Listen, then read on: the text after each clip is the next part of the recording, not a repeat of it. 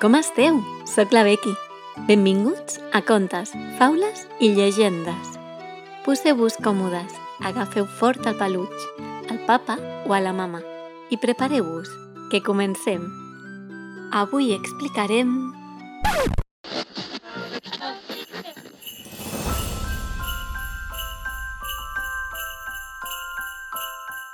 Com que és Nadal, explicarem com vam trobar el nostre tió.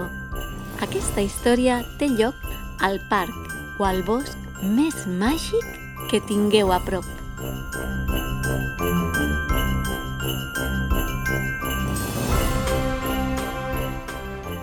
Hi havia una vegada un nen i una nena que estaven desitjant que arribés el cap de setmana per poder passar una bona estona amb la seva família i sabien que aquell encara era més especial perquè els seus pares els hi havien explicat que potser veurien el Pare Noel i pujarien a un tren amb ell.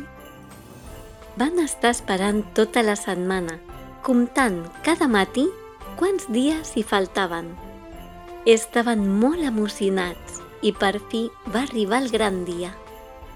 Van pujar al cotxe i quan van arribar, la nena no s'ho podia creure. Era el mateix parc a on anava cada setmana amb la seva escola. Aquest és el parc que vaig amb el col·le. I amb qui vens? Amb la Berta i amb, i amb la Laura. Es va posar tan contenta que va agafar el seu germà gran de la mà i li va ensenyar tots els racons i gronxadors a on ella gaudeix amb els seus companys i companyes. Tati, on estan els gronxadors? Allà. Els gronxadors estan allà. Per aquell camí. S'ho van passar molt bé i quan ja li havia ensenyat tot, van decidir anar per un camí que semblava un bosc a buscar escorça i pinyes per guarnir el pessebre. No trobaven cap pinya sencera i maca per poder-la portar a casa. Però una cosa màgica va passar. Anaven fent bromes, dient que podien veure el llop de la caputxeta vermella, dels tres porquets o de les set cabretes. I de sobte, He escoltat alguna cosa. el germà gran va escoltar un soroll. La família va parar atenció i també ho van escoltar. De sobte, els dos germans van veure una petita taca vermella. Era una petita barretina. Un tió va sortir a buscar-los quan els va escoltar. Així van trobar el tió de Nadal. És el nostre tio! Tio, vindràs amb nosaltres a casa. Era el mateix tió que any rere any es retrobava amb la família per passar el Nadal junts. El dia no podia ser millor. El van agafar, el van arropar amb els abrics i li van dir que aniria a casa amb ells, però que primer havien de pujar al tren. Anem al tren petit. Només arribar a les vies, van veure el Pare Noel pujat a un dels trens. Aquell dia havia vingut per veure a tots els nens i a totes les nenes d'aquell parc. Mira, mama, el Pare Noel.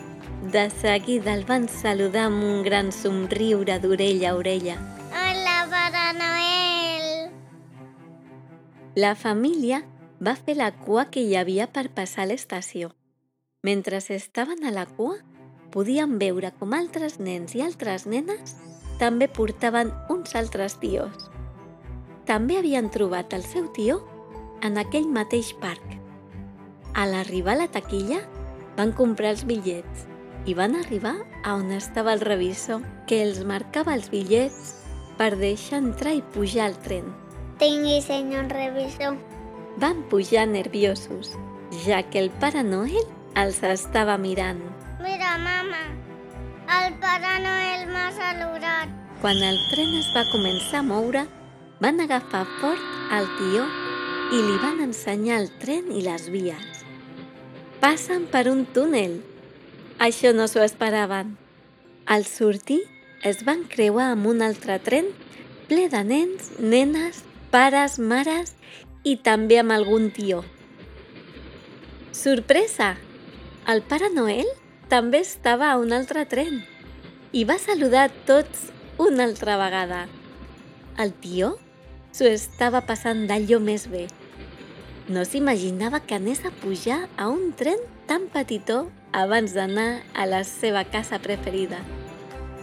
En baixar del tren, es van fer una foto amb el Pare Noel de fons i li van dir Adéu, Pare Noel!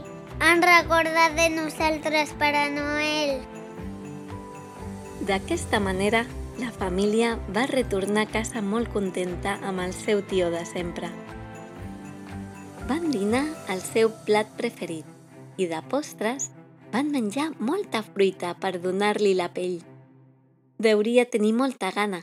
I sí, quan la família es va despistar, se l'havia menjat tota. Recordeu que el tió menja fruita i verdura, però li agrada més la pell, així que primer l'hem de menjar i posar-li la pell en un plat. El tió menja quan dormim o quan estem despistats i no el veiem. Doneu-li molt de menjar i quan li piquem el dia 24 amb els pals ens cagarà moltes coses. Aquell dia va ser molt especial per tota la família i el van recordar per a molts anys.